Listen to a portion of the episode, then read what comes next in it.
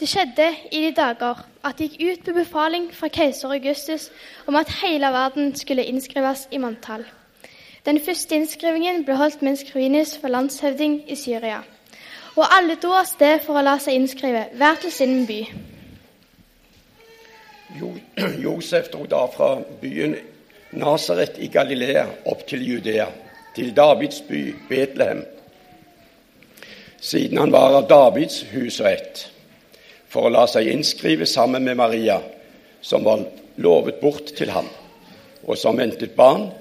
Og mens de var der, da kom tiden da hun skulle føde, og hun fødte sin sønn, den førstefødte. Hun svøpte ham og la ham i en krybbe for det var ikke husrom for dem.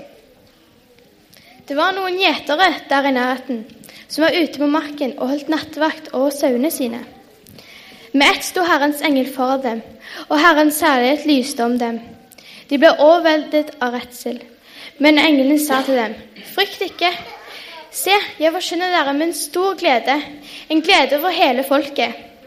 I dag er det født dere en frelser i Davids by. Han er Kristus, Herren. Og dette skal dere ha til tegn. Dere skal finne et barn som er svøpt og ligger i en krybbe. Med ett var engelen omgitt av en himmelsk herskare, som lovpriste Gud og sang. Ære være Gud i det høyeste, og fred på jorden blant mennesker som har Guds velbehag. Da englene hadde forlatt dem og vendt tilbake til himmelen, sa gjeterne til hverandre:" La oss gå inn til Betlehem for å se dette som har hendt, og som Herren har kunngjort for oss. Og de skyndte seg av sted og fant Maria og Josef og det lille barnet som lå i krybben.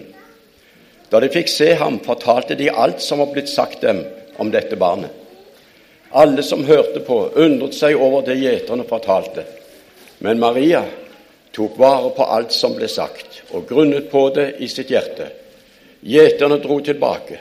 De lovet og priste Gud for alt de hadde hørt og sett. Alt var slik som det var sagt dem. Amen.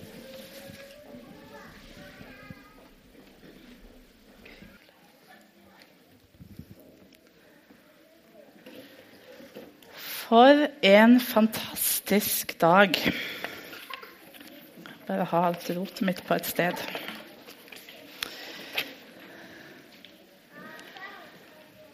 Den første søndagen i advent i år så var jeg på søndagsskolen og fortalte legenden om de fire julelysene. Vi satt på gulvet med ungene og hadde tent fire adventslys og blåste ut kjærligheten og freden og troens lys.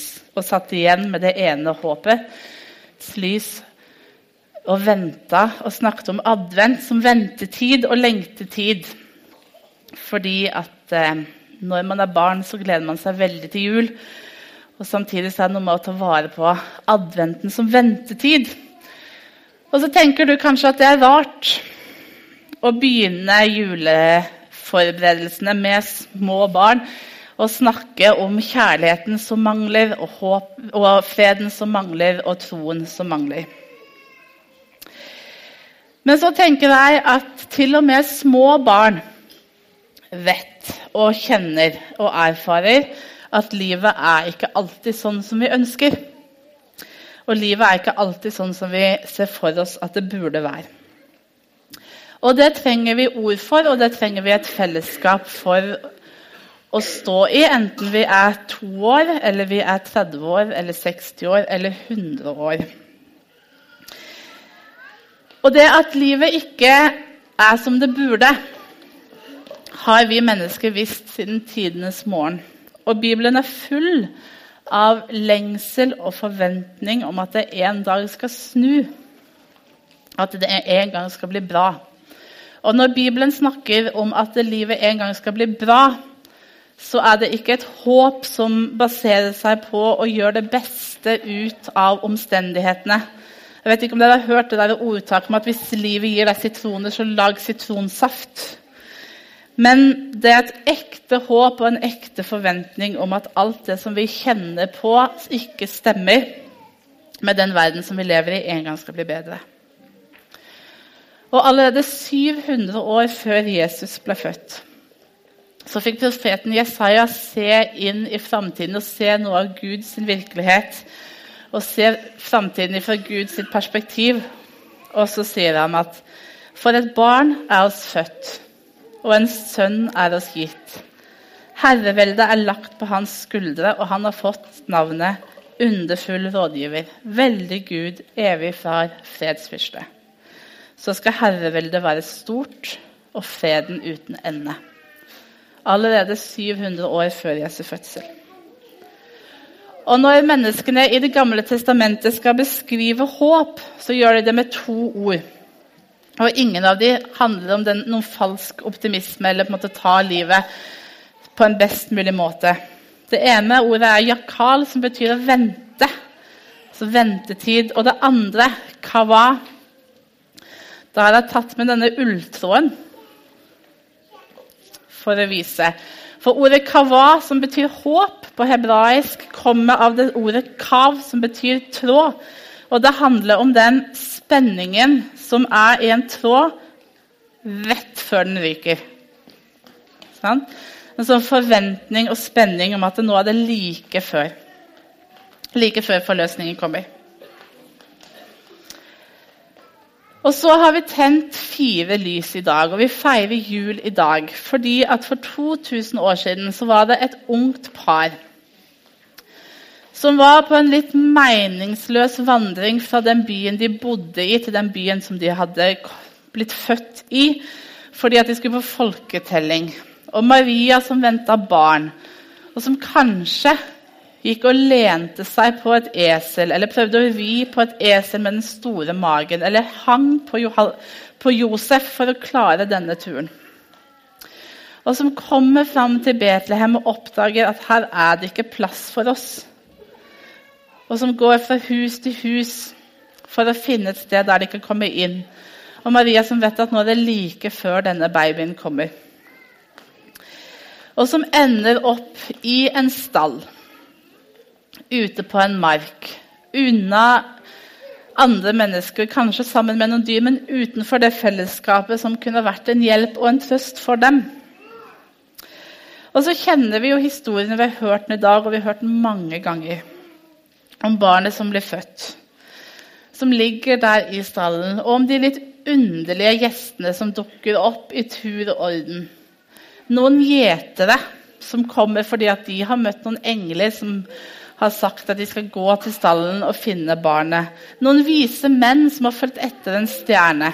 Både de laveste lave og de høyeste høye i samfunnet som kommer der til den litt usannsynlige stedet ut forbi Betlehem for å ta imot dette barnet.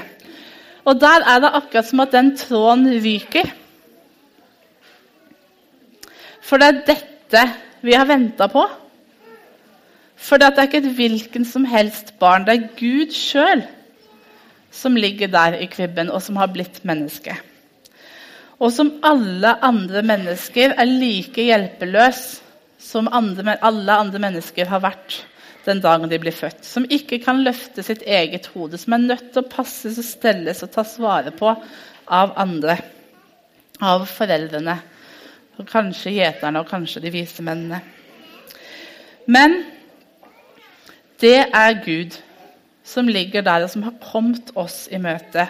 Og som Lukas beskriver så nøktern og enkelt som at i dag er det født dere en frelser i Davids by. Han er Messias, Herren.